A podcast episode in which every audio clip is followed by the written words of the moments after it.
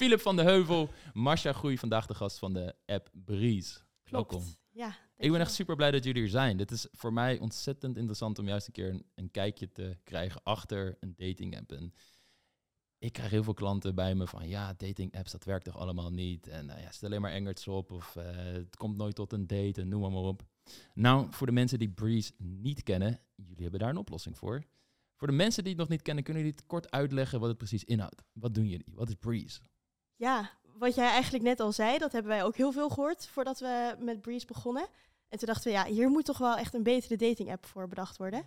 Dus wat wij gedaan hebben, is een dating app maken die draait om die offline ontmoeting. Dus eh, waar inderdaad andere dating apps jou eindeloos in die app houden door te swipen en te chatten en uiteindelijk niet op een date te gaan, draait bij ons die hele focus op die offline date. Dus eh, mensen krijgen maar een geselecteerd aantal profielen per dag. En als je dan iemand liked en diegene lijkt jou ook, dan heb je een match. Maar matches kunnen niet chatten, maar eh, vullen meteen een datumprikker in. En eh, wij organiseren dan meteen die eerste date voor ze. Dus we hebben partners bij allemaal steden waar we live in zijn. En eh, dan zeggen we, nou ja, half negen bij deze tent. de eerste drankjes zijn van ons. Veel plezier. En dan ontmoeten ze elkaar daar. Er staat er gelijk een shotje klaar om die date te beginnen. Super. Nee, ontzettend mooi. Ja, ik heb de app ook gezien. Voor het eerst dat ik van jullie hoorde was van een, klant van Mannenbrein. Oh, wat tegen mij zei, nou, ik heb nou toch iets gevonden. Dat vind ik echt fantastisch. Dat moet je zien. En midden in de, coachinggesprek ging ze het dat allemaal laten zien. Ja, en het viel me gelijk op inderdaad dat het profiel alleen bestaat uit een paar foto's en interesses die mensen kunnen invullen. En je krijgt een paar profielen voorgeschoteld, dus je kunt ook niet eindeloos swipen. En op een gegeven moment is het gewoon van, ja, oké, dit is voor mij wel een leuke man. Ik, ik ga het erop wagen. Wat Ja. is zo'n spannend iets is inderdaad. En zaten er hele um, positieve ervaringen bij. Vervolgens zag ik reclames van jullie voorbij komen. En eh, op een gegeven moment ontmoette ik dan Marcia tijdens een, eh, eh, tv-interviewtje was dat. En toen dacht ik, ja, dit is top. Dit is het moment dat ik ze met ze kan spreken. En wat ik zo eh, mooi vind, wat ik ook terugzie op jullie website, is dat jullie best wel een idealistische boodschap hebben van oké, de dating apps zijn bedrijven. Dat moet je ook echt goed weten. En die zijn meestal zo ingesteld dat ze jou zo lang mogelijk op een dating app willen houden, zodat ze je heel veel reclames kunnen voorschotelen, lekker profit verdienen en jij bent als het ware het product. En dan heb je natuurlijk bij Tinder en veel veel andere apps dat je ook nog allerlei extra functies kunt aannemen en kunt betalen. Hoe zien jullie dat bij jullie? Wat is dan echt het grootste onderscheidende in? Want jullie zijn ook een bedrijf, jullie moeten ook gewoon geld verdienen. Eh, dus mensen die hier luisteren zijn, denken van ja, hey, eh, hoe zit dat dan bij hun? Eh, ben ik dan niet het product? Hoe, hoe zit dat bij jullie? Nou, wat denk ik belangrijk is, is wij verdienen per date. En daardoor gaan we ook optimaliseren op mensen op date sturen. En wij geloven dat de gebruikers op Breeze zijn ook mensen die op een date willen gaan. Ehm, en op Tinder heb je natuurlijk best wel veel verschillende mensen die het voor verschillende functies gebruiken. Soms ook gewoon, ik ben net single, ik wil gewoon een beetje kijken hoe de datingmarkt eruit ziet. Ja. eh, hoeveel likes ik krijg. Nou ja, dat Hoe soort lig je mensen. zelf in de markt? Dat, Ja, dat is best ingewikkeld. Eh, zeker als je voor het eerst een dating app gebruikt, dan weet je helemaal niet wat je overkomt. Ehm, nou, en bij ons gaat het dus echt om mensen op date sturen. En ja, dat is waar wij intern natuurlijk ook mee bezig zijn. Mhm. Eh, dat is direct profitable voor ons bedrijf en goed voor onze klanten. En Ja. ik weet bij Tinder heb je gewoon echt dedicated teams zitten die telkens inderdaad jou proberen meer de hoek te raken aan Tinder Gold, waar zij Mhm. natuurlijk heel veel geld op verdienen. Ja. Hmm, ja, en dat is ook wat mij zo aanspreekt in de app. Alles is gebaseerd op de ontmoeting in real life, waar de echte romantiek, de echte liefde ontstaat voor een hele hoop mensen. Ja. En hoe is dit idee ooit ontstaan bij jullie? Ja, dan gaan we drie jaar terug in de tijd, denk ik. Inmiddels Ja, al op drie de jaar. Universiteit jaar. in Delft. Ja, we studeerden allemaal in Delft. En eh, nou ja, zoals je weet, de man-vrouw verhouding in Delft is eh, vrij ongezond. Ik zag, ik zag het ook in de teamfoto volgens mij op Ja. website. Ja, dat is groot Moeten we echt aan werken.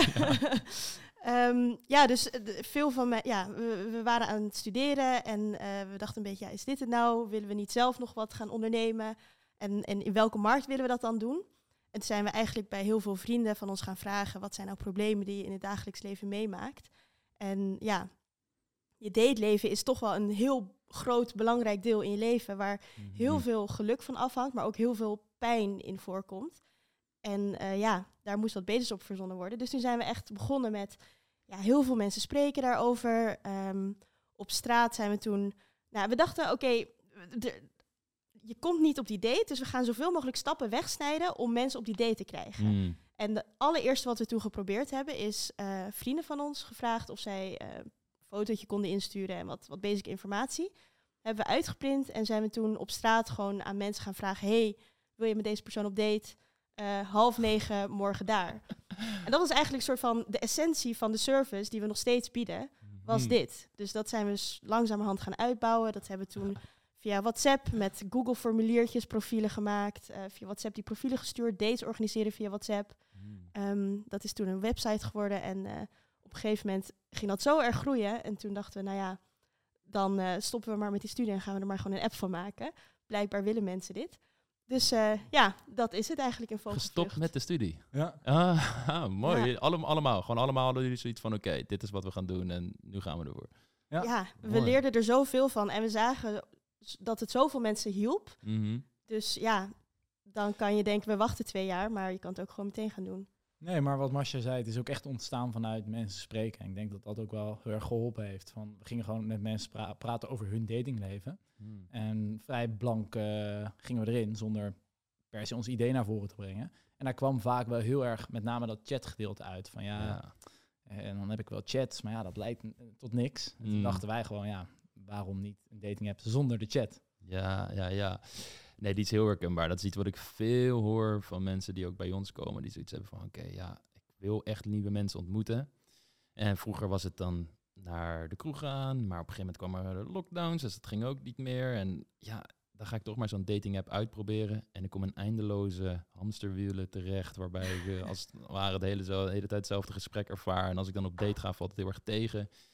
Ja, En- dat zie je ook vaak inderdaad. Ja, dat zie je Ja. echt ontzettend vaak. En eh, wat ik ook merk is dat sommige mensen al op basis van de chatberichten die ze uitwisselen, fantasie opbouwen over de andere persoon, al gevoelens ontwikkelen, terwijl die andere persoon er soms heel anders in stond ook. Dus wel iets Ja. had van, ja, dat is voor mij eigenlijk gewoon een beetje afspreken, een beetje losjes iets. En ik merk dat deze persoon al heel veel dingen van Ja. mij weer gaat verwachten.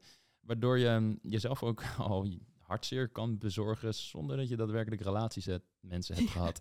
En dat is echt iets nieuws van deze tijd, merk ik. Dat mensen al verliefde gevoelens ervaren door online profielen, berichtjes die ze uitwisselen, zonder dat ze die persoon hebben ontmoet. En dat vind ik ook zo krachtig aan het hele concept dat jullie hebben. Ga de deur uit, ga maar gewoon afspreken en ervaar hoe het in het echt is. Eh, ik ben wel benieuwd dan, eh, wa- hebben jullie een idee bij hoe de impact gaat zijn van jullie app ten opzichte van de conventionele dating apps die er nu zijn? Hebben jullie daar al resultaten over van, nou ja, eh, bij ons is de succesrate bijvoorbeeld heel anders dan bij Tinder. Kijk maar, eh, hebben jullie dit soort cijfers? Nou, wat we wel hebben is, eh, we weten natuurlijk hoeveel dates ongeveer mensen wereldwijd via Tinder gaan. Mhm. En hoeveel gebruikers Tinder heeft, et cetera. En dat valt eigenlijk best wel tegen. Dus minder dan een date gemiddeld per gebruiker per jaar. En ja, in ieder geval, als je net bij Breeze komt, zeker, dan heb je gewoon al best wel snel dat mensen bijvoorbeeld binnen twee weken op een date gaan. Mhm. En daarin zijn we wel echt beter, dat we gewoon mensen dus effectiever op dates kunnen krijgen. Ja, ja, ja. Ja, het zou mooi zijn dat ze allemaal de datumprikker invullen en toch niet opkomen opdagen. Zo. Daar hebben die trouwens ook iets op bedacht. Je moet een klein bedrag betalen, geloof ik, van tevoren. Zodat je al wat extra stok achter de deur hebt. Dat de persoon ook daadwerkelijk komt opdagen. Ja. Ja. Hmm. En we vragen mensen nog vlak van tevoren eh, te bevestigen, omdat je hebt soms ook gewoon dat mensen het vergeten. Ja. dat hebben we een keer gehad. Dat, Ja. Oh ja, oh ja, ik was het vergeten. Ja, we hebben Oh. best wel veel van dit soort veiligheidsdrempels ingebouwd, zodat we er wel echt voor zorgen dat je daar niet eh, in je eentje op die locatie staat. Hmm. Want omdat wij ook die verantwoordelijkheid van die eerste date op ons nemen, vind ik ook dat wij nou ja, alles eraan moeten doen om te zorgen dat die date dan ook succesvol, of tenminste zo succesvol mogelijk verloopt. Mhm. En dat, ja, daarbij hoort ervoor zorgen dat allebei de gebruikers weten waar ze aan toe zijn, eh, dat het veilig is, dat die partner op de hoogte is. Nou ja, al dat soort eh, ja. ja, features. En hoe, hoe zien jullie, de- hoe kijken jullie zelf tegen het hele chatten? Want ik kan ook begrijpen dat er Hmm. veel mensen zijn die op zo, zoiets dat horen en dan denken van ja, maar chat is juist ook wel een beetje veilig. Want ik krijg soms hele gekke berichten van iemand en dan weet ik al van oh, nou met deze persoon hoef ik niet af te spreken. En hoe zien jullie dat? Waar, waar vinden jullie, wat zouden mensen idealiter moeten doen? Hoe, hoe ga je erachter komen of iemand een, niet alleen een, een creep is of zo, daar kom je volgens mij vrij snel achter in de meeste gevallen, maar of iemand echt goed bij je past. Zou dat via chat kunnen volgens jullie of zou dat, moet dat echt in het echt zijn? Ja, ik ga ook heel eerlijk zijn dat we niet per definitie anti-chat zijn. Dus Mhm. ik zal ook nooit zeggen dat Breeze voor altijd in de toekomst nooit een chat zal hebben. Ik zie Mhm. best wel een toekomst dat er een vorm van interactie is na een match om even net een gevoeletje te krijgen van of dit wat gaat zijn of niet. Dus ik zeg niet dat we dat nooit gaan doen. We hebben er nu voor gekozen om vrij, ja, vrij extreem te gaan om te kijken of dat werkt. En Mooi langzamerhand... ingedekt alvast voor de toekomst. hè? Mag dat er toch komen? Ja. Maar wat ik wel echt geloof, en dat zei je net ook al, ehm, als je elkaar in het echt spreekt, je hebt allemaal extra contextuele cues. Weet je wel, Mm. De- je, kijkt elkaar in de ogen aan, eh, je hebt lichaamstaal. Ehm, dat zijn allemaal dingen die missen in die chat. Dus Ja. dan ga je dat zelf invullen. Eh, je ziet een berichtje staan en oh, wat bedoelt hij hiermee? En nou ja, de keren dat ik met vriendinnen op de bank heb gezeten, naar een schermpje kijken en samen proberen te uit te vogelen wat, wat hij nou echt pre- precies bedoelde met deze ene zin, weet je wel? Of juist wat hij bedoelde met niks sturen. ja. Ja. Ja, Ja, dan ga je allemaal dingen zelf invullen. En ehm, ik geloof niet dat dat de manier is hoe je elkaar beter leert kennen. Mhm. En ja, wij zeggen in plaats van drie weken de hele tijd chatten, ga dan gewoon één keer een keer een uur op date. Dat hoeft helemaal niet heel moeilijk, zwaar of heftig te zijn. Ga gewoon even een drankje doen. En dan zie je meteen of het wat is of niet. En dan weet je binnen een uur of er nog een keer een date komt of niet. Dus Helemaal ja. ja. Het is interessant, toen ik zelf begon met het hele online dating, was Tinder net opkomen. Ik studeerde toen de tijd nog psychologie zelfs. En ik weet nog dat er een eh, vriend naar me toe kwam die zegt, nou, er is, er is nou toch iets, moet je zien. En dat we daar echt, dat ik daar ook stond van, wat is dit? Wat lijp dat dit kan.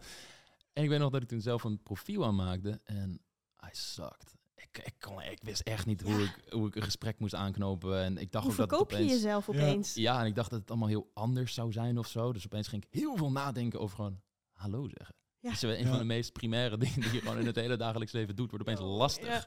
En je krijgt ook zo'n rare reacties op terug ook af en toe. Eh, of gewoon niet. En dat, Ja. eh, toen dacht ik van oké, ik wil dit wel echt goed begrijpen.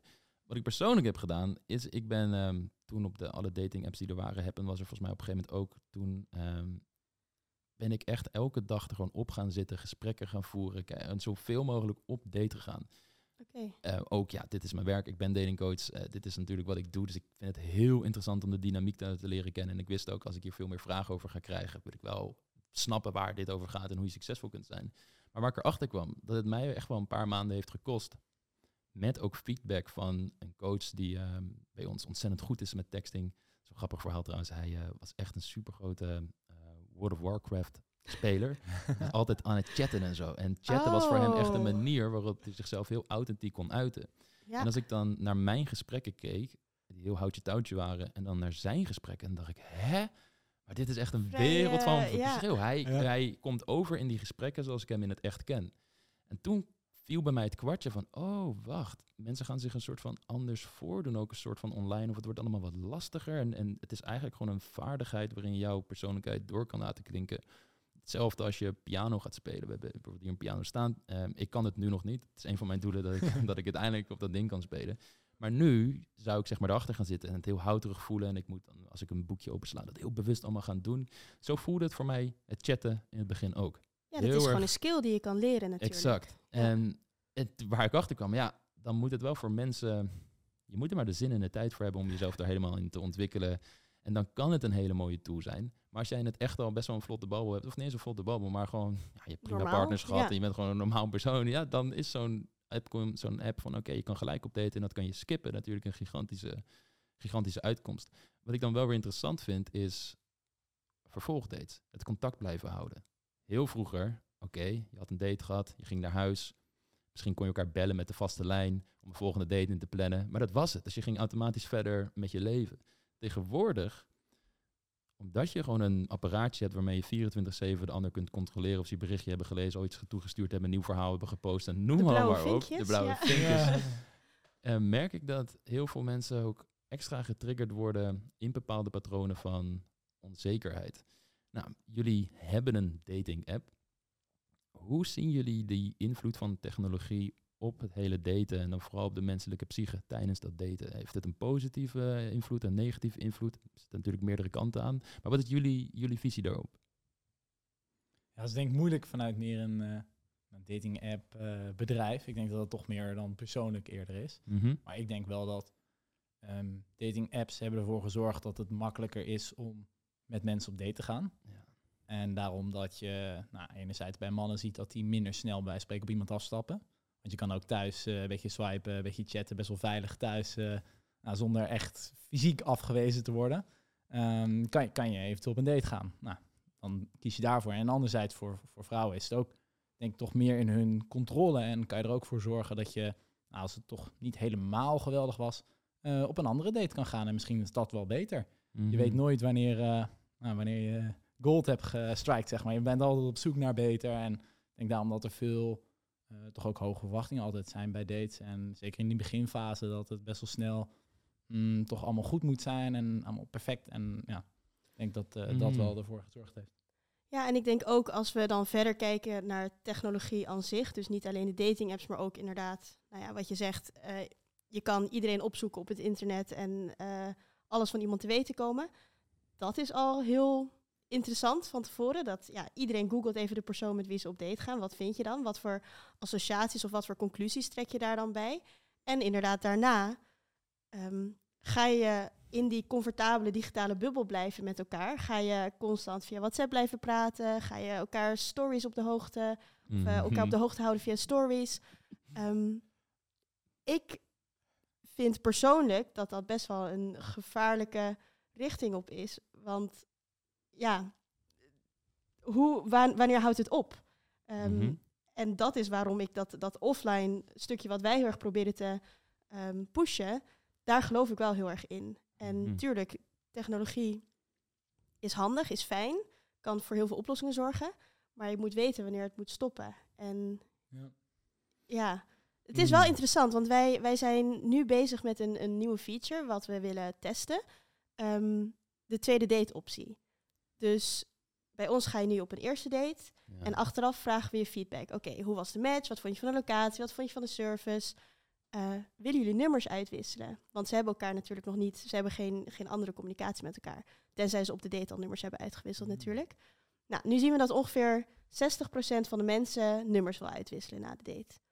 Na Nou, de dat date. Ja, Dat is na die eerste date. Dat is best wel Ja. veel al, toch? Dat je Vind gewoon random mensen die elkaar voor het eerst ontmoeten, 60% wil nummers uitwisselen. Nou, zeg niet dat 60% meteen op een tweede date gaan, maar wel dat er een soort van interesse is. En nu willen we eigenlijk testen, oké, eh, willen jullie in plaats van nummers uitwisselen gewoon weer die datumprikker opengooien bij ons en dat wij die tweede date organiseren? Misschien wel met een iets leukere activiteit erbij. Jullie zijn allebei gematcht op eh bolderen, dus we, we boeken een bolderbaan voor jullie eh, Mm. tweede date. Willen jullie dat? Wil je weer via een datumprikker gewoon weer op die date verschijnen en weer niet de mental eh, energie erin moeten steken om dat zelf te organiseren en te vragen, oké, eh, gaat er een tweede date komen? Wil je wel? Wil je niet? We, Ja, ga ik precies, drie die dagen dynamiek Waar jij het wachten? over had met blauwe vinkjes Ja. en alles. Ja. Zeker. Dus, Goede eh, openingslijn, niet ja. wanhopig overkomen. Oh, heel veel dynamieken zitten Ja. daarin. Ja. Ja, ja ah, super mooie optie. En wat grappig. En die 60% is dat dan mensen die via de app nummers uitwisselen? Of zitten er ook de mensen bij waar je van weet, ze hebben al nummers tijdens de date uitgewisseld? Ja, we vragen inderdaad, heb je al nummers uitgewisseld of wil je, wil je nummers uitwisselen? En dat bij elkaar genomen is 60%. Wauw, dat is best wel Ja. een hoog percentage zou ik zeggen. 60%, mooi. Ja, grappig dat je dat zegt, want dit is een van de adviezen die ik ook altijd geef. Eerste date, laagdrempelig. Als je, vooral als je elkaar niet kent, ga een drankje doen, een wandeling door het park. Doe gewoon iets waar je ieder geval een beetje dynamiek misschien ook in de Ja. date hebt. Makkelijk weg kan, niet, het hoeft niet te lang te zijn. En als het klikt, dan wil je op relatiegerichte dates gaan. Dus inderdaad, dingen doen waarbij je elkaar in een andere omgeving ziet. Je, dat vertelt zoveel over een persoon. Weet je wel, stel bij het bolderen, eh, ga, maak ze een beetje luchtige grapjes over de dingen. Stel, er gaat iets fout, hoe reageren Ja. ze daar dan op? Of hen lukt iets niet tijdens iets wat je moet doen, hoe reageren ze daar dan weer op? Ze zijn Super heel fanatiek, ja, ja. weet je wel. Ja. en, en dat vertelt je gigantisch veel. En wat je er gelijk merkt is, hoe staat deze persoon in het contact? Want als jij echt alleen maar seksgerichte dates wilt, je bent op zoek naar friends with Ja. benefits dingen, zul je toch minder snel dit soort dates gaan inplannen, want het is best wel een investering van tijd. En wat ik merk is dat de meeste mannen en vrouwen toch ook wel weten van ja, als ik dat echt ga doen, dan geef ik toch wel bepaalde signalen af en wordt het wel heel hard spelletje spelen met die andere persoon. Dus ik wil het ook een beetje casual houden, dus gewoon vooral thuis afspreken. En als mensen met een relatiegericht datevoorstel komen, oh, ik heb het toch echt heel druk die week, dat kan ik niet, maar ik kan wel om tien uur s'avonds eh een drankje doen bij mij thuis op de bank. toch? Ja. Dan weet je het. Ja. Dus het feit dat ze dan bij jullie al op een tweede date zouden gaan met zo'n, met zo'n optie, ik, ja, dat is fantastisch, lijkt me. Dat lijkt me een hele mooie manier. Ja. Maar het is ook heel grappig, want we hebben in het aller, allerbegin, ehm waren we echt nog heel erg aan het zoeken wat we moesten doen en hoe we die eerste date moesten organiseren. wij dachten, ja, het is toch ook wel heel leuk om te gaan poelen of om te gaan bowlen of om te gaan darten. Dus we hadden toen verschillende dateopties en mensen konden aangeven, oké, ik wil het liefst dit doen of dat doen. Hmm. En er zaten dan ook verschillende prijspakketten aan. Maar we zagen gewoon al heel snel dat iedereen gewoon als eerste date een drankje wil doen. Echt, Ja, 80% sowieso. Dan Ja. hadden we nou, bijvoorbeeld eh, poelen en een bierproeverij hadden we dan. Als soort van, nou ja, maar dan was het toch wel, sommigen hadden zoiets van, ja, ik wil iets hetzelfde doen, ik wil ook. niet zitten. Maar Hmm. ja, Super, ja, snap, Ja. snap ik wel. Snap ik wel. Dus dat hebben jullie er gewoon helemaal uitgehaald? hebben we helemaal maar- uitgehaald. ja. Ah, gewoon om het makkelijk te houden. Ja, ja, precies. Ja, want je wil ook niet eh, ergens aankomen en eh, je moet meteen een eh, museumrondleiding doen en je hebt elkaar nog helemaal niet gesproken. Ja, Ja. je wil gewoon eerst even gaan zitten. Je weet nog niks van elkaar, behalve wat je op het profiel hebt gezien. Ja. Dus ga maar eerst even tegenover elkaar een drankje doen en dan komen die activiteiten wel voor later. Want dat geeft wel inderdaad, wat je zegt, heel veel andere inzichten over een persoon. Dus dat is later leuker. Maar Hmm. in En, en dingen zoals uit eten, doen jullie dat? Nee, maar we, hebben, we, we bewegen steeds iets meer naar een iets ouder segment. En we merken wel dat daar steeds meer vraag ook is naar... oh, waarom gaan we niet e- eten? Of waarom spreken we niet iets eerder op de avond af? Want vaak Hmm. vinden dates nu beetje iets later in de avond plaats. Dus ja, ik denk dat de activiteit heel erg verschilt per doelgroep. Absoluut, absoluut. Ik krijg van de eh, wat oudere mensen bij mij krijg ik verhalen over mannen die nog aankomen met bonbons, Ja, een bosje bloemen. leuk en, toch? Ja, Ja. dat, dat is zo anders. Ja.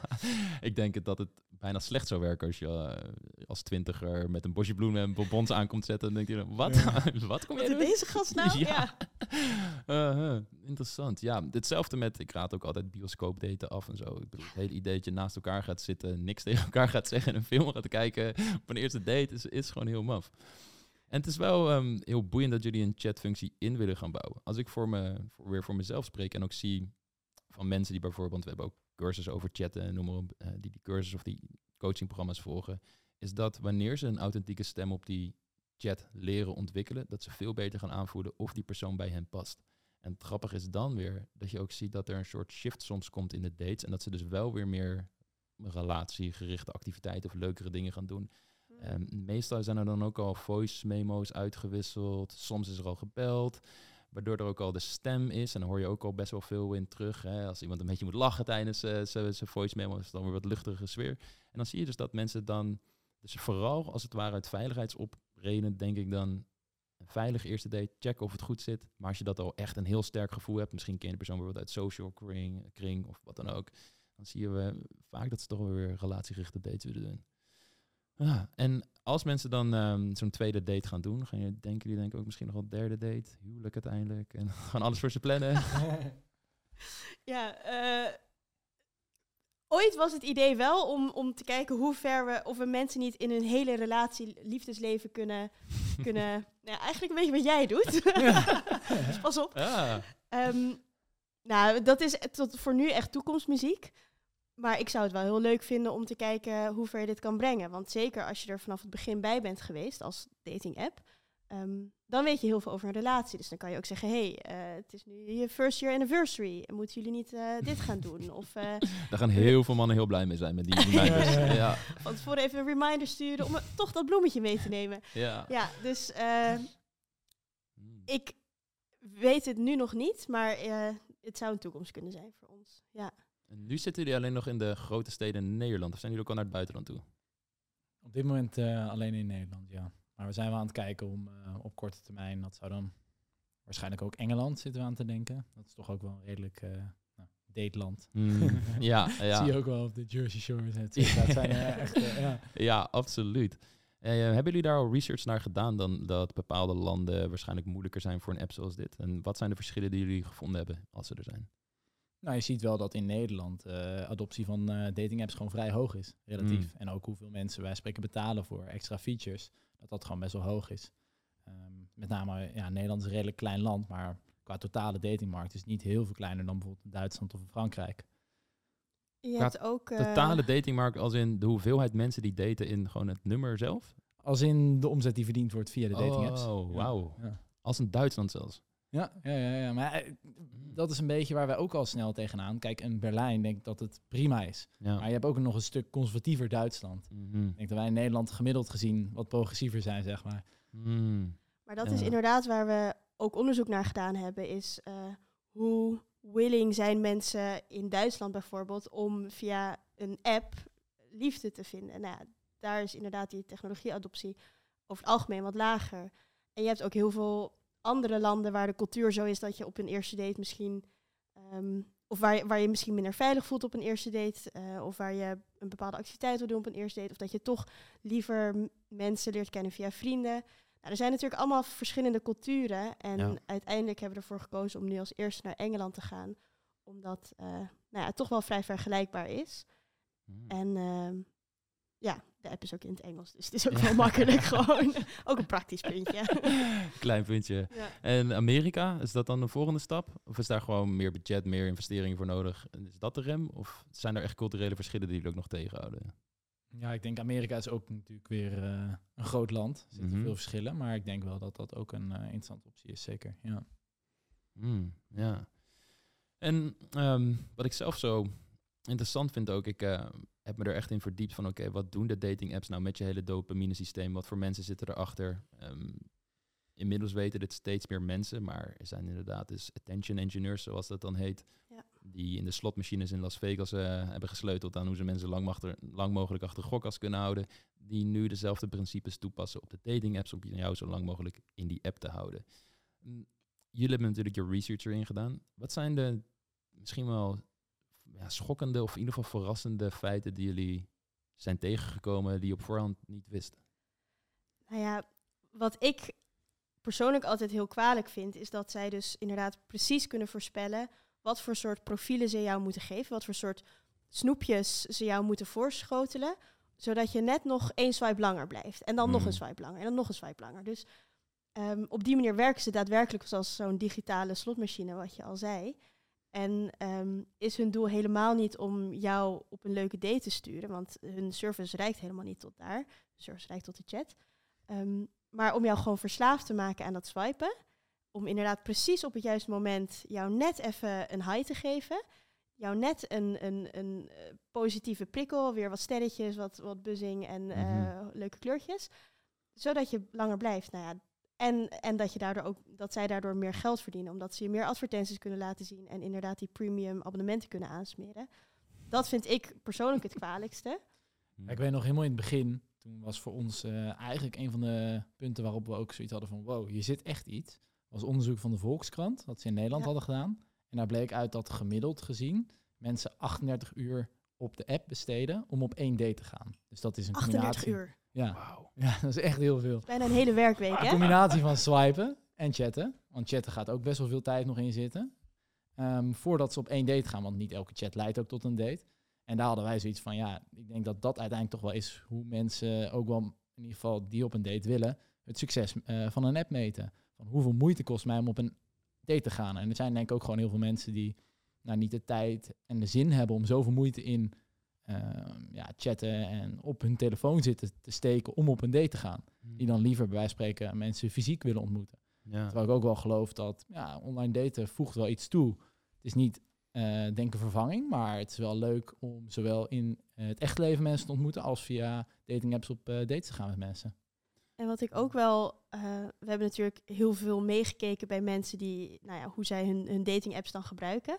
En wat ik dan ook heel schokkend vond, als vrouw misschien ook wel, als ik bij mijn mannelijke vrienden meekeek, eh, hoe snel zij door die profielen heen gaan. Dat, dat die hele interface is er zo op gericht dat jij in een split second kan bepalen of je iemand aantrekkelijk vindt of niet. En dan in het allermakkelijkste interactie profielen kan wegvegen, zeg maar. Van nee, dit is niet goed genoeg. Nee, hier staat ze niet duidelijk genoeg op. Ik, ik vond het echt bizar om te zien hoe snel dat gebeurde. Hmm. En dat vond ik als eh, vrouw zijn, en ik denk dat er ook genoeg mannen zijn die dat niet fijn vinden, vond ik het niet fijn om die realisatie te hebben dat er op zo'n manier naar mijn eigen profiel werd gekeken. Dat je gewoon op die stapel ook maar zo snel weggegooid wordt. Mhm. Ehm, en dat is ook waarom wij denken, of waarom ik het heel mooi aan Breeze vind, is dat profielen blijven langer staan. Je hebt de tijd om door alle profielen heen te gaan van die dag. Je hoeft niet over één keuze te maken en krijgt dan pas de volgende. Dus er is iets meer aandacht voor je profiel en ook de mens op het profiel, in plaats van die eerste foto en ja, Mm. die Mm. vleeskeuring, zeg maar. Ja, ja. ja, het is een interessant iets. Ik, ik heb het gevoel dat een factor daarbij, natuurlijk de hele gamification en het als een spel zien, de dopamineverslaving op naar de volgende match, de volgende high, dat is een Ja. groot aspect. Ik denk, ehm, als ik gewoon kijk naar hoe mensen in, in barren en clubs daten, dat het daar ook gaande is. Alleen het is niet zo expliciet. Als jij een ruimte scant, dan zie je automatisch die, die, die, die persoon vind ik interessant. Dat, dat gaat gewoon automatisch. En de rest, het is niet dat je de rest naar vindt of noem maar op, maar je voelt er gewoon niks bij. Wat vaak op, op uiterlijk is gebaseerd, maar soms ook gewoon op, oh, die persoon die staat op zo'n manier te dansen, zo vrij, dat ik merk dat ik iets van die fun wil, dat ik iets van daar, dat ik daar iets mee moet doen. Alleen het op een dating app is alleen maar de eerste foto en, krijg zat mannen vooral, maar ook sommige vrouwen bij me die helemaal niet bezig zijn met goede foto's van zichzelf maken. Ja. En, Ja. en hun energie kunnen ze niet meenemen, hun stem, hoe ze met andere mensen omgaan, hun warme kanten. Het krijgt geen kans om zich te ontpoppen tot iets moois, wat je natuurlijk in het echt wel hebt. Hmm, Ik denk dat heel veel mensen daarmee ehm, heel erg geholpen zijn, omdat ze dan op die eerste date komen en al die aspecten van zichzelf die ze niet in kunnen laten terugkomen in een foto, voilà, wel kunnen tentoonstellen. Ja, Ja. Nee, zeker. Ja. En als jullie dan eh, kijken naar het, zeg maar, het hele online eh, gebeuren, als in, oké, je gaat nog steeds wel mensen online ontmoeten, ze komen dan naar de offline wereld toe, waarschijnlijk ga je op WhatsApp verder. Wat denken jullie dat de toekomst van het hele online dating gaat zijn? Waar bewegen we heen als maatschappij volgens jullie? ja. Je hebt nu natuurlijk ook, eh, nou, er gesproken over de metaverse en nog meer andere digitalere oplossingen. Ja. Ehm, en wat ik heel erg zie is, ik vind het prima dat mensen deze technologie gebruiken om een match te vinden. Dus ik denk ook wel dat matches vinden en, en ehm, hoe ver dat kan reiken. Want je cirkel vroeger was soort van je dorp. Toen werd het eh, steeds Ja. verder. En je cirkel is nu, nou ja, hoe ver je je straal zet eigenlijk op de dating app. Ja. Ehm, dat wordt steeds groter en ik vind dat ook wel iets moois, want nou ja, dat zorgt ervoor dat je uit meer opties een betere ja, match kan vinden. Ehm, dus het matchen gaat digitaal blijven, of tenminste zo zou ik dat nog wel graag willen zien. Maar ik zou die stap naar de offline wereld, zou ik nog steeds, ehm, in welke situatie dan ook, graag nog steeds willen la- laten maken. Mhm. Dus in die zin, Ja, ik, Ik- denk zeker ook dat een online relatie iets anders is dan een offline relatie. Dus dat het ook uiteindelijk, als je een offline relatie wilt, dat je ook op, af moet gaan spreken. Een beetje wat jij zei, als je online blijft, dan ga je een online beeld van iemand creëren. Mhm. En dan kan dat heel lang goed zijn, zolang je online blijft. Ja. Maar vaak ja, is- het online beeld niet representatief met offline beeld. Hmm. Ja, ja, absoluut. Daarbij is het ook nog eens zo waar we het eerder over hadden, dat het de blauwe vinkjes, de check of iemand online is. Ik denk dat de mensen niet per se eh, onzekerder zijn geworden in de kern van hun zijn, maar dat een nieuwe technologie die onzekerheden wel meer triggert en meer voedt, mhm, waardoor je hele ongezonde patronen gaat ontwikkelen als je er niet, niet voor oppast. Eh, Ik ken mensen die eh, fake profielen aanmaken en dan berichten gaan sturen om te checken hoe een man daar dan op ingaat.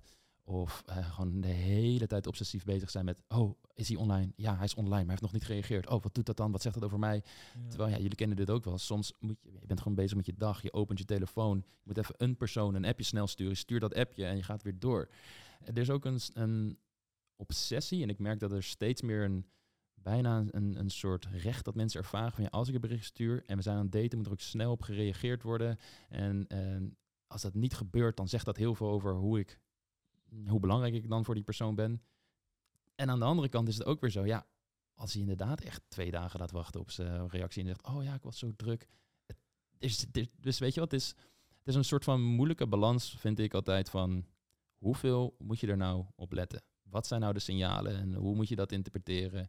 En ik denk, naarmate we steeds meer online gaan leven, dat het als het ware is een soort van tweede taal die je bijna moet gaan spreken. Ehm, tenzij je gewoon zegt, ja, het al, eh, ik ga- doe er niet aan mee. Maar je wordt, het wordt wel steeds lastiger, heb ik het gevoel. Eh, hoe, hoe zien jullie dat, zeg maar? Hoe denken jullie dat jullie daar een belangrijke rol in kunnen spelen? Of ja, voor, voor jullie persoonlijke visie daarop? Ja, je kan er bijna niet meer aan, komen, aan ontkomen, inderdaad. Want ik, ik heb ook nog genoeg vrienden die inderdaad niet op Instagram zitten en wel nog zo'n Nokia-telefoon hebben, omdat ze er gewoon niet aan mee willen doen. Mhm. Ehm, dus ik denk ook niet, ja, dit vind ik moeilijk. Want aan de ene kant, je kan niet verwachten van iedereen dat ze eraan mee gaan doen. Ehm, maar je kan er ook niet aan ontkomen.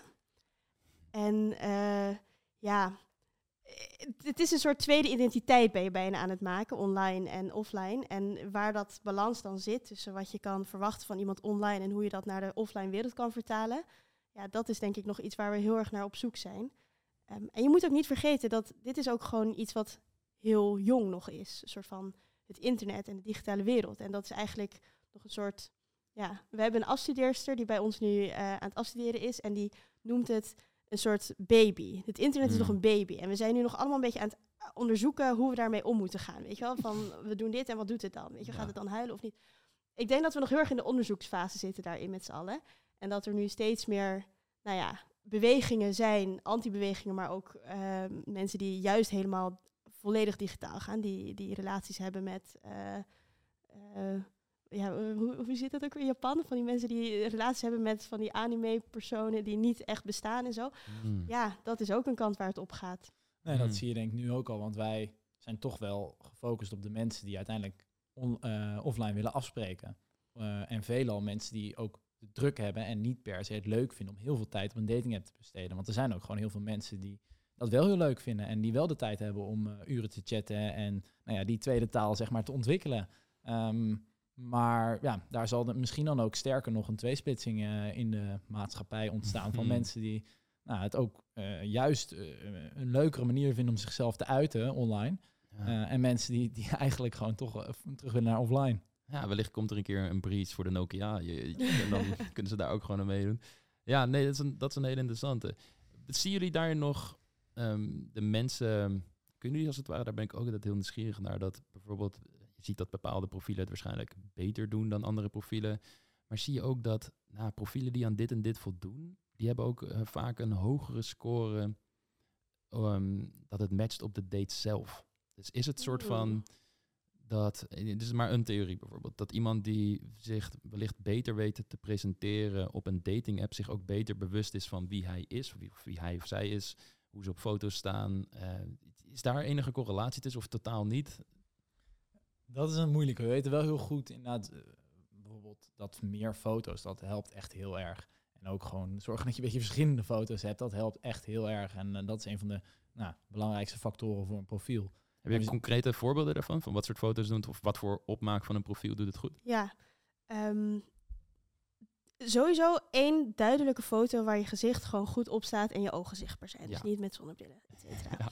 Dan een foto dat je met vrienden bent. Want de context waarin jij als persoon je omgeeft, dus, van je vrienden en je familie, dat zegt heel veel over jou als persoon. En dat merken we gewoon heel erg dat mensen die vijf keer een foto van zichzelf, uh, selfie hebben, dat zegt niks.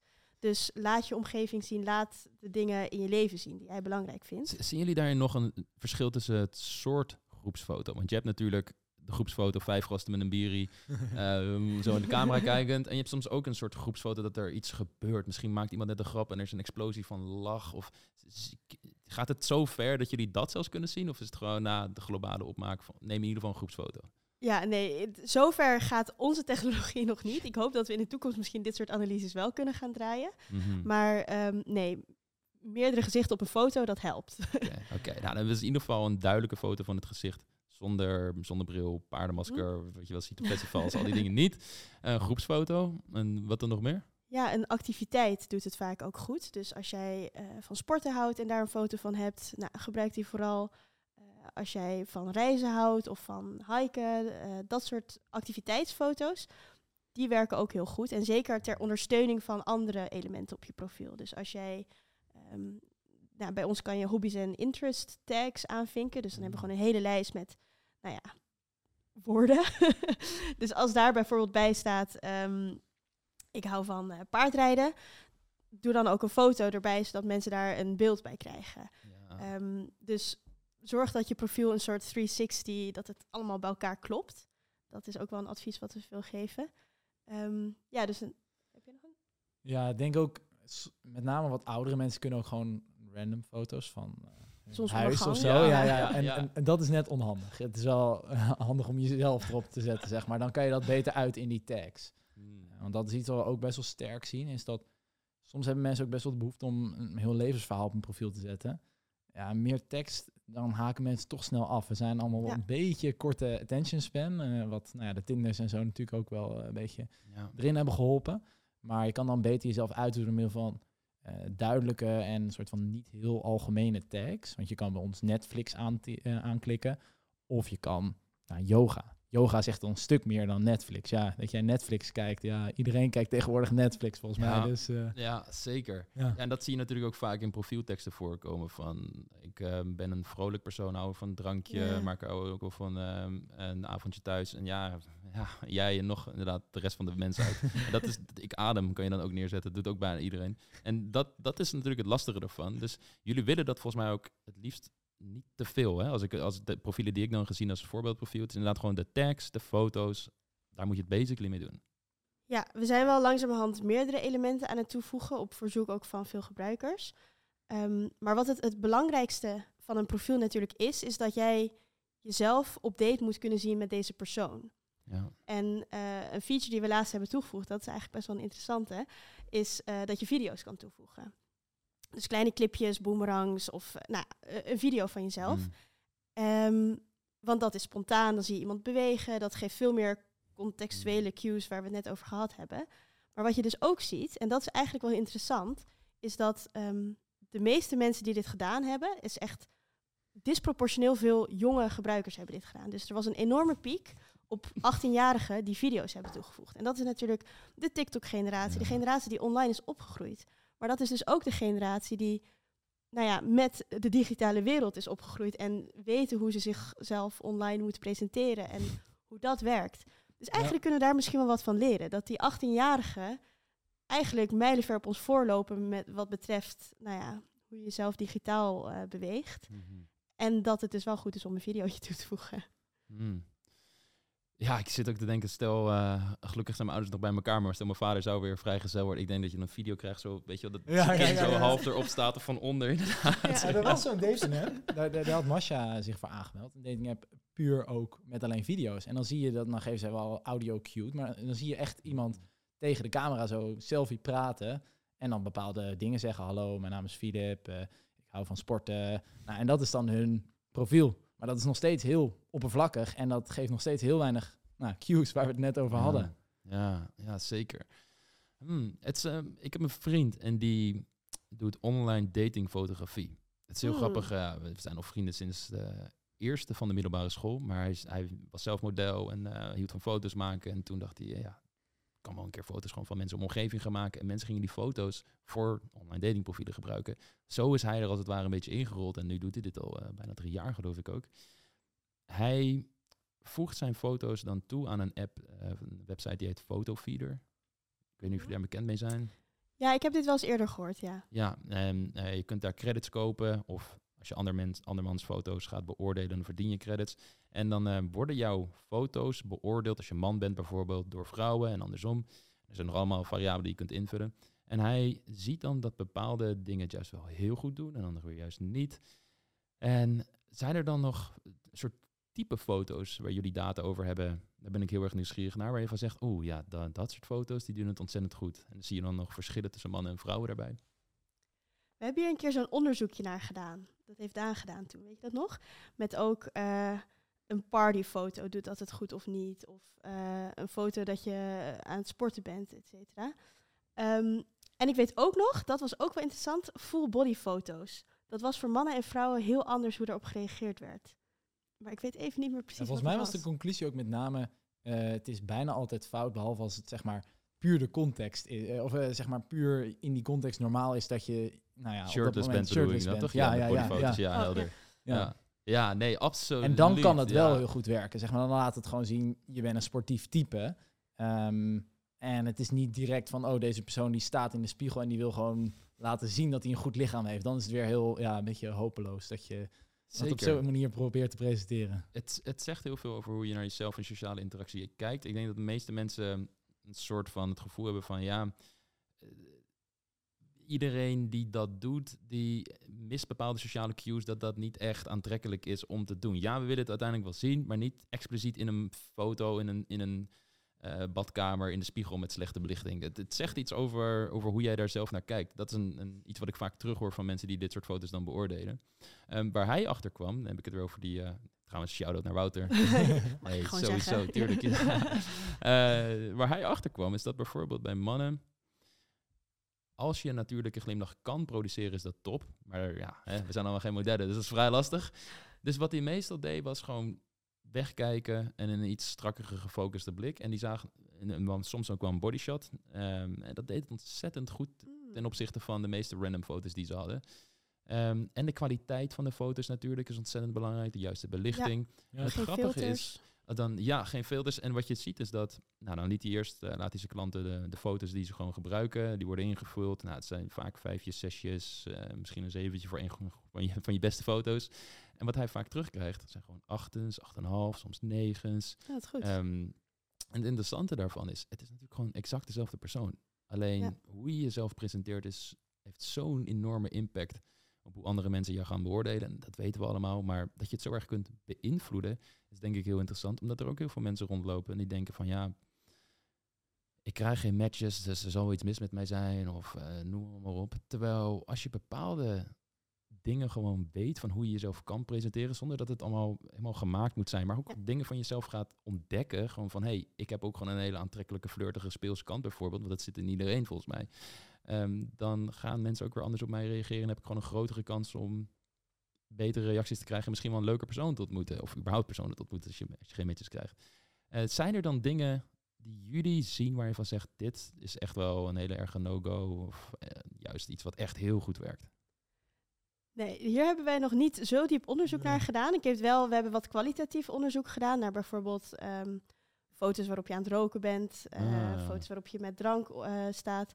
Kijk, dat slaat natuurlijk iets uit. En het is ook maar de vraag waar ben je dan naar op zoek. En dat kan natuurlijk ook wel gewoon werken. We hebben bijvoorbeeld ook nu um, factors noemen we dat. Dus je kan aangeven inderdaad of je rookt, of dat je wel eens uh, drugs gebruikt, of dat je alcohol drinkt.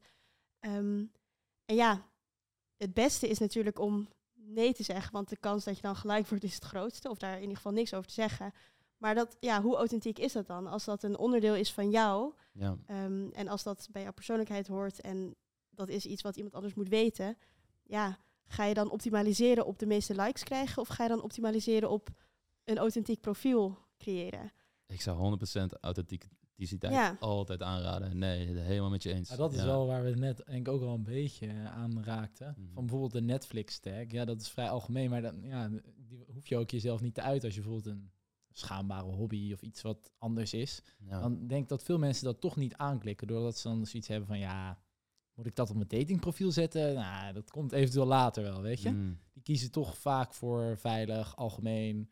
Uh, terwijl denk ik inderdaad veel beter doet door je echte zelf te laten zien. Want dan trek je ook mensen aan die uiteindelijk, nou ja, waarbij offline ook een klik mogelijk zal zijn.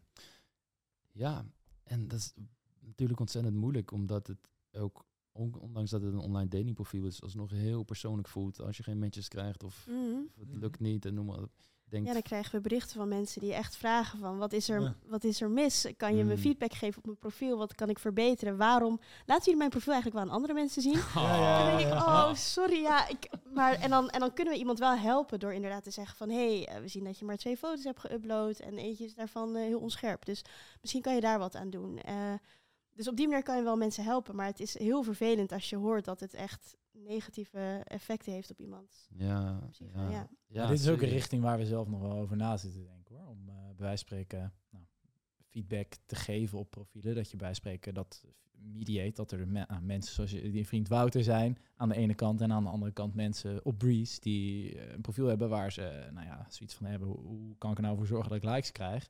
Nou, ja. die kan je natuurlijk aan elkaar koppelen. Dat is, super. Ja, die gaan mensen datingadvies geven, dat hoor ik ook. Ben mijn baan straks kwijt. Shit. Ja, dat is, ik denk dat dat super gaat zijn. Absoluut. Omdat wanneer je bij jullie bij wijze van spreken... Want ik weet dat er wel dating websites zijn die datingcoaches hebben en zo, maar wat ik ervan hoor is dat nou niet echt de beste kwaliteit die ze daar krijgen. Maar als jullie inderdaad echt op basis van, ja, we zien gewoon dat dit en dit en dit werkt, bijvoorbeeld wat je net zei, color, uh, slechte kwaliteit foto's. Het is gewoon een duidelijk uh, lage score foto, heel duidelijk. En zo zijn er wel meer van dat soort dingen. Als je die weet en je gaat in ieder geval daarop letten en uh, je gaat een keer een fotoshoot doen, ook niet in een fotostudio of zo, weet je, heel geposeerd, al die dingen, dat werkt dan allemaal niet. ehm, dan kun je wel degelijk natuurlijk veel leukere matches en veel meer matches krijgen, veel positievere reacties. Mm. Ja. Ja. en wat eigenlijk, en je kan dit nog verder trekken, want dit is natuurlijk coaching op basis van, nou ja, op je profiel en zorgen dat je meeste matches kan krijgen. Maar daarnaast hebben we natuurlijk ook, na een match moet je nog op die date gaan. En bij ons zit daar dan wat tijd tussen. En niet elke match ehm, conv- converteert uiteindelijk naar een date. Er zijn gewoon best wel wat matches die gecanceld worden of waar mensen niet op reageren. En daar proberen we natuurlijk heel hard aan te werken, dat, dat proces te versoepelen. Maar uiteindelijk zit daar ook gewoon een heel groot mentaal ding in. Dat mensen een notificatie krijgen met, hey, je hebt een match. En dan in paniek raken. En eh, denken, oké, ik ga maar gewoon die app wegdoen. En dan hoef ik er niet meer aan te denken. En dan drie dagen wachten. En dan vullen ze nooit meer hun beschikbaarheid in. Of dat ze het een dag voor de date eh, toch... Ja, maar ook gewoon simpele redenen. Soms zijn er gewoon mensen die in de meantime ook iemand anders hebben ontmoet. En dat dan Dat gebeurt natuurlijk vinden. Het is gewoon, ja, het is best nog soms wel een logistiek probleem. En dan zijn er sommige ook mensen die denk ik wel persoonlijk aan kunnen trekken. Van hé, hey, ik heb nu twee keer een date gehad die, die afgezegd wordt. Dit werkt niet voor mij. eh, die, die, die echt eh, nou, persoonlijk zich beledigd voelen eigenlijk. Doordat soms het echt gewoon een, een waarschijnlijk een, je weet natuurlijk niet je helemaal zeker. Maar een valide reden was dat iemand eh, zich toch niet comfortabel voelde met op een date gaan. En ja, dan gaat het ook niet werken. Dan kan je wel daar naartoe gaan. Maar ja, Ja, dan verspil je allebei je tijd eigenlijk. ja, absoluut. Dat is sowieso een ontzettend groot onderdeel van het daten. Het om kunnen gaan met negatieve feedback, afwijzing. Ja. Dat, is, dat is zo enorm. Dit gaat allemaal heel erg over singles. Eh, zit er ook over na te denken om date-ideeën aan koppels te presenteren, als het ware. Ik ik kan me voorstellen dat veel mensen ook zoiets hebben van, ja, ik weet er niet meer zo goed wat ik moet doen. En als je dan wellicht door middel van zo'n app concrete voorstellen krijgt, eh, misschien ook op basis van interesses of juist dingen die je wilt proberen, dat het daar ook wel wellicht heel veel mensen bij gebaat zouden zijn. Ja, dus verzoek hebben we wel best wel vaak al gekregen. Mhm. Van mensen die Breeze ook heel leuk vinden, maar dan al in de relatie zitten en er dus niet zoveel mee kunnen. Ehm, ja, dit is iets waar we waarschijnlijk, als we dan toch al die tweede dates gaan organiseren en activiteiten dates gaan organiseren, dan kunnen we misschien ook wel eh, voor mensen die al in een relatie zitten dat doen. Mm. Ja, bij wijze van spreken zelfs als een verrassing bij wijze van spreken. Het lijkt me leuk om weer eens wat spannends te gaan doen met z'n tweeën. Eh, ik weet niet wat de date is, maar ja, gewoon een, een leuke activiteit waar ook uit blijkt, want wij krijgen die feedback ook weer terug, dat het een leuke date is om samen op te gaan. Ja, dat zou heel leuk zijn als we dat kunnen regelen. Ja, ja, dat lijkt me awesome. En volgen jullie de mensen ook naar, doen jullie bijvoorbeeld een follow-up? Eh, stel, mensen zijn op een paar dates geweest, dat je na een half jaar nog iets stuurt of zo van, hey, je hebt eh, aangegeven dat die date heel super was, dat jullie op een vervolgdate zouden gaan. Want ik weet dat jullie wel om feedback vragen na een date. Zijn er nog follow-ups? Nee, dat moeten we eigenlijk wel doen, hè? Ik zit nu te denken, Ja, ja, meer, meer gewoon algemeen niet? gewoon van, hey, eh, laat het weten als er iets uitkomt. Ja, dat zeggen we wel. Maar ja, dan moet je wel zelf nog heel eh, pro- proactief dat gaan sturen. Ja. We hebben laatst gehoord dat er een eh, eerste, of in ieder geval waarvan we weten, eerste Breeze baby was. Nou, dat is natuurlijk heel leuk voor ons ook om te weten. Ja. Oh, wauw. Ja, dat, jullie bestaan drie jaar, zeiden jullie. Dus, nou, dat is toch wel lekker gegaan dan. eh, top. Het is wel snel gegaan Ja. bij ze, ja. mooi, mooi. Ja, dat zijn wel, dat zijn altijd hele interessante dingen, omdat ik ook heel erg benieuwd ben of er een verschil is in eh, het soort eh, relaties dat voortkomt uit iemand die je gewoon sociale kring ontmoet of iemand die je Ja. via een dating app ontmoet. Ehm, wat ik bij me krijg zijn mensen die een hele mooie, uh, ze getrouwen en inderdaad ook baby's krijgen met mensen die ze via online dating hebben ontmoet. En ik denk ook dat dat echt prima kan, want je hoort wel eens mensen zeggen, ja, er zitten alleen maar stomme mensen op dating apps of alleen maar dit soort publiek. En ik denk altijd, ja, maar wacht even, vraag even in je omgeving wie er allemaal wel eens een dating app heeft gebruikt. En jij doet het ook, toch? Ja. Wat zegt dat dan over jouw omgeving en die mensen die allemaal dat dan? Of hoe? eh, ik denk dat het, eh, als, als we normaal met het oog op de toekomst, dat het steeds normaler gaat worden en steeds meer mensen niet meer voor de grap zeggen. Tegen onze ouders zeggen we niet dat we op de internet Ja. moeten, maar bla bla bla. Maar dat mensen eerder ja, er meer voor uit gaan komen van ja, ik zag dit profiel en dat het bijna een soort romantisch verhaal die kant op gaat. Ja, Het zou, het zou een, eh, een interessante ontwikkeling zijn. Ja, want het is natuurlijk ook. ehm, vroeger was het ook gewoon. Moest je een beetje schamen dat je, dat je op eh, de datingwebsite zat, toch? Of eigenlijk dat je. Heel vroeger deed je een advertentie in de krant. Nou, dan was je wel echt heel desperate. Of in de supermarkt. Ik heb Of ze in de supermarkt, ja. ja. En dat, dat zat er in het begin nog heel erg in, natuurlijk. En zeker toen Tinder kwam. Nou, dat was echt een gamechanger. Maar dat was in het begin wel echt een beetje. Nou ja, not done. Hmm. Maar ik denk dat corona daarin ook wel echt een grote verandering heeft gebracht. In, in de algemene ge- acceptatie van dating apps. Hmm. Want we moesten allemaal wel. Ja. Dus eh, we zijn allemaal maar via die dating apps mensen zijn- gaan ontmoeten. Dus dat heeft wel veel veranderd. En ik denk dat dat in de toekomst steeds meer gaat zijn. En dat dat ook, eh, ja. Prima. Zitten jullie ook te denken, jullie zeiden al 18-jarigen maken sneller video's van zichzelf. Ehm zitten jullie ook te denken om andere functies toe te voegen? Bellen, videobellen, voiceberichten misschien nog uiteindelijk als er zo'n chat gaat komen. Ja, Eh, ik denk, het, als er een chat komt, is het misschien ook niet per se een, een vrije chat, maar een, een gecontroleerde chat. Dus bijvoorbeeld, oh, je hebt maar zoveel minuten om te chatten. Of je kan uit Mhm. deze selectie vragen kiezen om toch nog iets meer er, ergens achter te komen. Of dat het misschien met alleen maar gifjes is, of met alleen maar emojis met elkaar chatten. Dus er zijn heel veel varianten of variaties die we daarin kunnen maken. Ehm, ik denk ook dat eh, stemgeluid of bellen of nou ja, een soort van de andere senses prikkelen dan alleen maar eh, pixels. ehm, dat dat heel belangrijk is. Mhm. En ik, ik hoop zeker dat we daar naartoe kunnen gaan. Maar we zien ook wel dat bijvoorbeeld eh, Hinge heeft nu zo'n feature dat je ehm, eh, iets kan inspreken op je profiel. Nou, dat wordt, al- daar krijgen wij niet zulke goede verhalen over. Dat dat toch wel een beetje raar is en dat dat toch een beetje ongemakkelijk is. Dus je moet daar wel heel eh, Mm. voorzichtig mee omgaan, denk ik. Dat je het op zo'n manier doet dat mensen het ook echt daadwerkelijk willen toevoegen aan hun profiel. Of daadwerkelijk durven te sturen naar iemand. Ja. Ja, dat was voor ons ook, want we hebben helemaal in het begin hebben we toen ook onderzoek gedaan van moeten we niet verplichten dat iedereen een video uploadt, omdat Mm. het dus zo'n, nou ja, soort van blind date is, dan heb je toch een beter beeld met wie je ontmoet. En toen eh, gingen we dat uitvragen. Toen was eigenlijk, ja, veel mensen leek het wel leuk, maar niemand wou zelf een video op gaan nemen van zichzelf. Dat klinkt heel awkward. Ja, en tegenwoordig inderdaad, in de TikTok-generatie heb je al een betere nou, galerij aan video's die je eventueel op je profiel kan laten zien. Ehm, nou, en, en dat helpt wel enigszins. Maar ik denk wel dat het nog steeds moeilijk is om inderdaad op een spontane manier iets op je profiel te hebben. En Zo, ja. dat spontane, dat zit bij ons denk ik toch nog steeds een beetje in de offline ontmoeting. Dan zie je iemand, dan kan je toch ja, het beste denk ik eigenlijk beoordelen of iemand leuk is. Zo'n telefoongesprek blijft toch nog een beetje, waar we het net ook over hadden, veel eh, missende informatie zelf invullen. Mm, ja, ja. En het is ook een beetje wanneer, s- ehm, waar in het proces gooi je dit erin. Want we hebben toen corona net begon, dat is ook nog wel een interessant verhaal. ehm, wij waren in paniek, want we konden geen dates meer organiseren. Wat gaan we nu in godesnaam doen?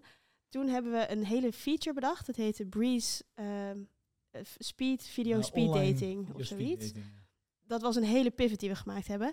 Ehm, je kwam om acht uur online in een soort online room. En iedereen die op dat moment online was, werd aan elkaar gematcht. En had dan één minuut de tijd om een soort video speed date te doen. Ideaal, denk je, want je hebt dan inderdaad meer van die cues. Het is nog steeds heel laagdrempelig. eh, en je, je ziet meer van iemand. Dus what's not to like? Maar dat was, uiteindelijk was dat echt een fiasco. Eh, we hebben daar, nou ja, dat hebben na één maand of zo hebben we dat weer gekild. Want uiteindelijk ehm, kwamen er gewoon tien keer zoveel mannen als vrouwen online elke avond. Omdat je dan Ja. toch, weet je wel, vrouw, mannen die dachten, oh nou lachen, ga ik wel even kijken wat het is. En vrouwen dachten, oké, ik moet me- ik moet mijn kamer opruimen, ik moet toch make-up doen, eh, ik moet toch weer mijn haren borstelen. En dan pas durf ik in die online chatroom te komen. Dus het was wel, ik denk dat je niet moet onderschatten hoe niet laagdrempelig video daten is voor mensen. Maar misschien is het nu wel weer veranderd. Ja, we- eh, met name ook voor vrouwen, wat jij zei. Want we hadden zelfs dat, wij spreken groepen mannen, eh, samen gingen videochatten, zeg maar, om het, nou ja, heel laagdrempelig. Maar ja, de- dan, dan totale mismatch natuurlijk met vrouwen. ja, wat Masha net vertelde, ja.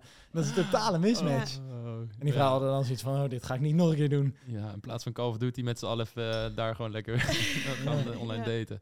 Oh ja, wat ik kan me dat helemaal voorstellen. Als ik kijk naar de eerste YouTube-video's die ik heb opgenomen, ik cringe hem helemaal weg van hoe ik daar zit. Het is, het is zo...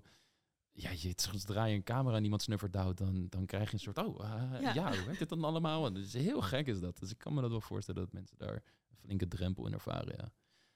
En op een persoonlijk vlak, hoe is het dan om nu ja, dating app founder te zijn? Ik, ik kan me heel... Ja, dit, ik, bedoel, vroeger misschien dat je opgroeide met Tinder en zo. Hadden jullie ooit verwacht dat je op zo'n positie terecht zou komen en je hiermee bezig zou houden of iets met de liefde daten zou doen?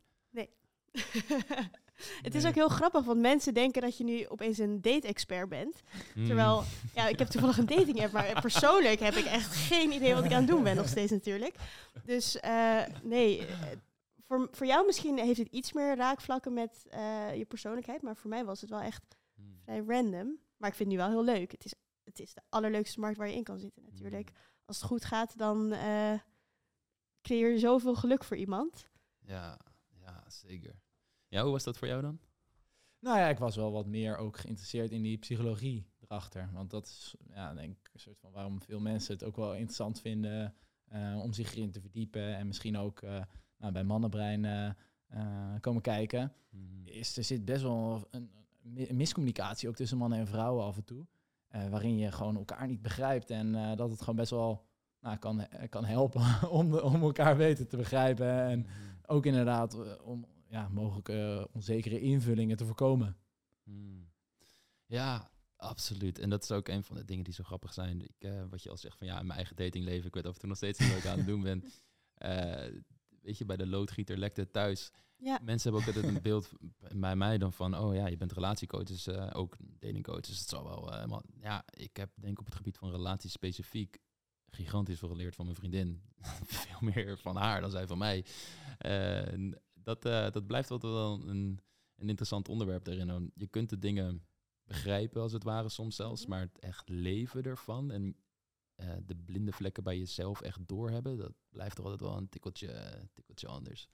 En, Ja. en zijn er dan dingen die je zelf, nu je hiermee bent begonnen, ontdekt het op het gebied van dating, relaties, die je interessant vond? Dat je dacht van, oh, dat is wel gewoon een inzicht wat volgens mij niet zoveel mensen weten in de maatschappij. Of, Nee, ja, de- ik, wat ik wel bijvoorbeeld laatst, eh, is inmiddels eh, een half jaar geleden misschien zelfs wel, ben ik op een eh eh, speeddate event geweest. Dat was wel iets waarvan ik dacht van, nou ja, nou ja, Mm, dat zou ik normaal gesproken ook niet zo snel doen. Maar eh, wel geïnteresseerd ook vanuit, eh, nou ja, we hebben een dating app, speed dates, dat zou voor ons mogelijk ook wel iets kunnen zijn. Hoe werkt dat? En dat, dat was wel grappig. Dus op zo'n manier kijk je wel af en toe iets anders naar bepaalde dingen. Maar mm. over het algemeen ja, is het meer wat Marcia net ook al zei. Van, ja, je, wordt gezien dan, oh ja, ik, zit, ik heb een dating app, maar het is totaal niet dat per se mijn eh, beroep of interesses is. Ja, het is Ja. ook voor een groot deel gewoon een goed product bouwen. Ja, En eh, dat is toevallig in de dating space. Of nou ja, eh, een beetje toevallig. Maar eh, Mm. als je ons verhaal kent, wel een klein beetje toevallig. Het is niet zo Ja. dat we van tevoren allemaal dachten, oké, wij zijn dating experts, wij gaan dit doen. Is, wat, jij, wat Marcia van tevoren al naar mij toestuurde, waren allemaal podcasts inderdaad over vooral mensen die met jullie op de algoritmes ingaan. Oké, en hoe werkt het? En ik hoorde, en- en een van de eerste podcasts die ik luisterde was van, dat was volgens mij voor investeerders die dan dat konden luisteren en, en noem maar op. Eh, en toen zei hij van, ja, het is de eerste keer dat we bij een podcast komen waarbij we echt over de liefde als het Ja. ware, waar de app over gaat, gaan, Ja. gaan spreken. Vond Maar ik wel heel grappig, ja. ik heb wel persoonlijk, en dat vind ik eigenlijk, want ik denk dat ik van tevoren, ehm, ik denk dat ik de meest recalcitrante persoon wat liefde betreft, ja, Philip zit heel hard te knikken, ja, ik, ik, ik was daar best wel nuchter in, denk ik. En het heeft voor mij best wel heel erg lang geduurd voordat ik op een eerste breeze ben geweest ook. Ik denk echt pas na een jaar of zo, terwijl ik daar elke dag fulltime mijn hele leven stond op breeze. En ik heb heel lang een soort verhaal lopen verkondigen. Of een verhaal lopen verkopen ook eigenlijk. Van ja, en dan gaan we gewoon een keer op date. En het is heel luchtig. En je hoeft helemaal niet de liefde van je leven te vinden. En het is super laagdrempelig. Ga gewoon een keer een drankje doen, boeien. Mm. Ik heb dat een jaar lang lopen verkopen. Terwijl ik zelf eigenlijk helemaal niet op die, op die eerste date zat te wachten. Ah. Maar toen ben ik het uiteindelijk toch maar wel echt gaan doen. En nu ervaar ik voor het eerst ook zelf dat het ook echt heel makkelijk is om gewoon wat vaker op een eerste date te gaan. Want je leert gewoon heel veel over jezelf. Je leert heel veel wat je, wat je, wat je zoekt in een persoon. Ehm, dus ja, in die zin heb ik persoonlijk wel die, die ontwikkeling ook gemaakt. Dat ik nu daadwerkelijk echt geloof in wat we verkopen.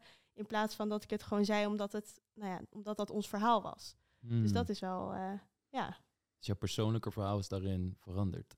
En hoe zag je dan nuchter erin staan? Wat betekent dat? Hoe, hoe is dat veranderd? Wat zijn de dingen die je over jezelf hebt geleerd nu je het gewoon geprobeerd hebt? Mm, ik denk dat ik. ehm, ik denk dat ik eh, heel lang ook niet echt op zoek ben. Of dat ik het ook wel prima vond zonder allemaal. En ik Mhm. vind dat ook nog steeds wel zo. Want ik denk wel echt dat je een soort. ehm, op een bepaald punt in je leven moet zijn.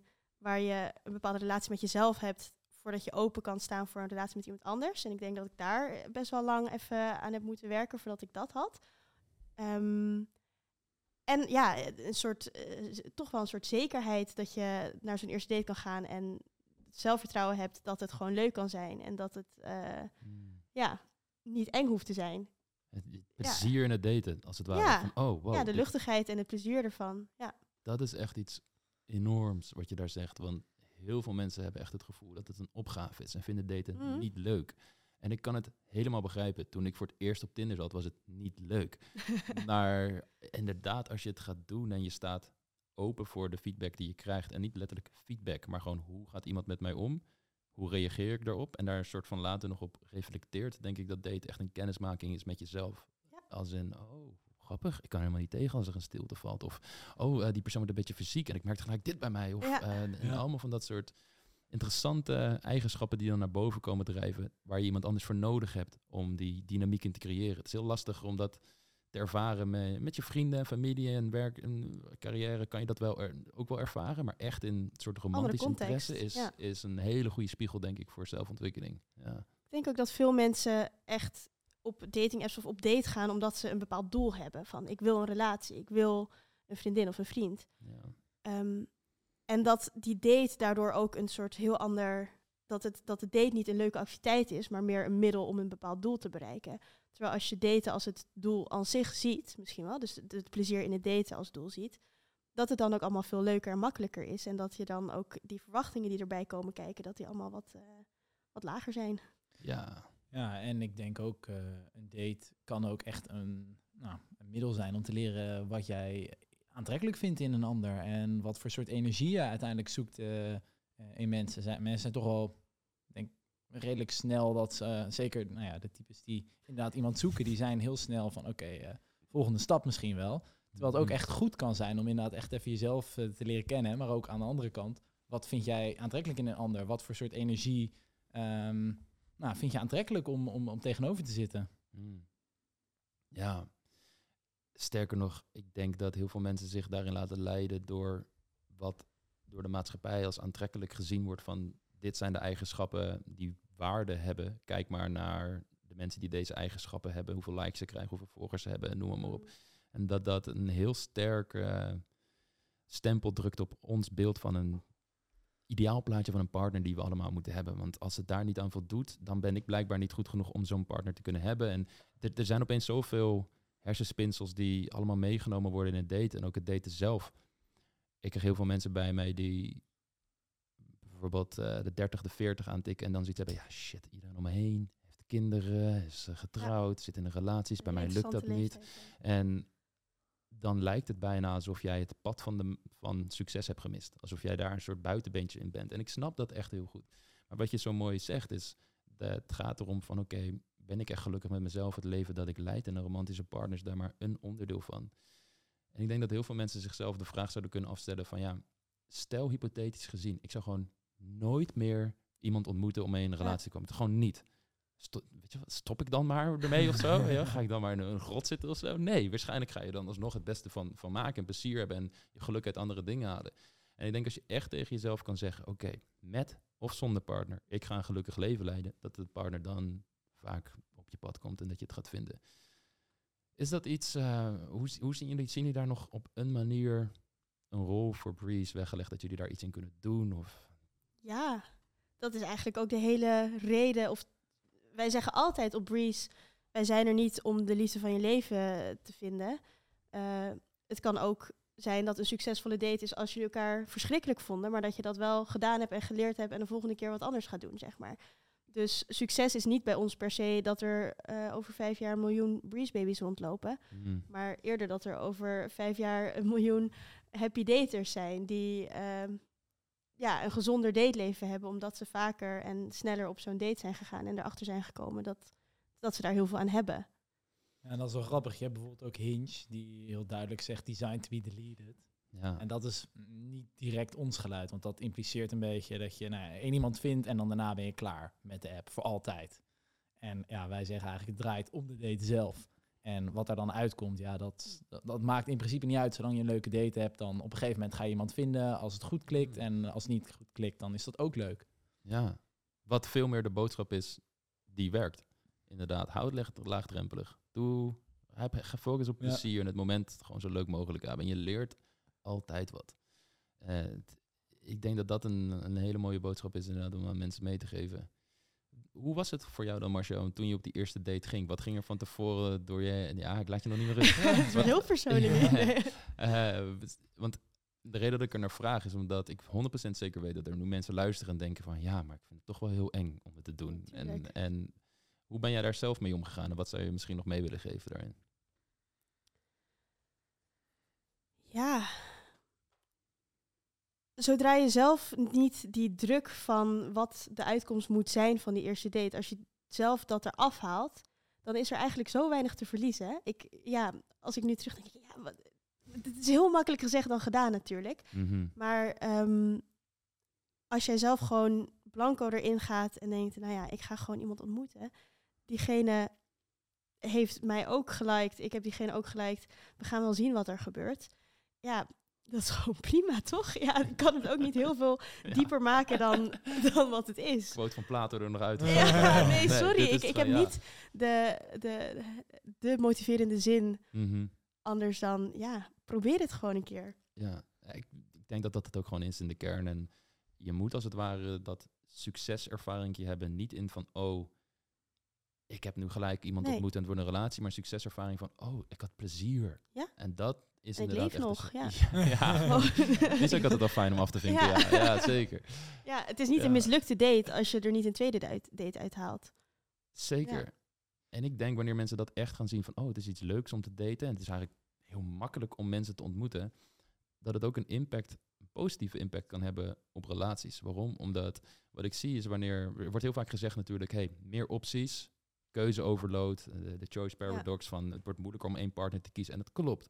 Ik ben het daar helemaal mee eens. Maar wanneer mensen zich daar bewust van worden en weten van ja, eh, ik kan bij wijze van spreken morgen iemand anders ontmoeten, ook al zit ik in deze relatie. Dan wordt het een Ja. veel bewustere keuze dat je elke dag weer voor je partner kiest en dat Ja. wellicht uitspreekt. Dan dat je vanuit een soort schaarste mindset van, oh, ik wil niet meer in die datingwereld terechtkomen. Het is nu gelukt, eh, dus we zetten hem maar even voor dit. Precies, ja, ik moet vastklampen en deze partner bij me houden, want anders dan, Heel ja, dan sta ik daar weer. Dus ik denk ook dat wanneer mensen, ja, noem het maar date bekwaam worden en er zijn opties waarin je makkelijk kunt daten, dat het goed kan zijn voor relaties, mits mensen zich bewust zijn van keuzeparadox en, Ja. en choice overload en al die dingen die daarbij, die daarbij spelen. Mhm. Het gevaar is natuurlijk ook weer dat het gras is altijd groener aan de overkant, weet je wel. Dat is denk ik ook, daar hebben we in het begin ook heel erg veel features op getest.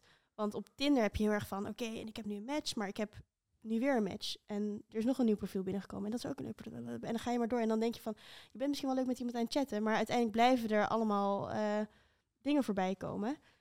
We hebben toen in het begin ook echt gezegd van, oké, als je eenmaal een match hebt bij ons, dan kan je niet meer nieuwe matches krijgen. Je hebt gewoon één match, je plant een date. En daarna pas mag je weer op tweede een, een- nog een nieuw profiel ontvangen. Nou, dat was wel iets te eh, extreem.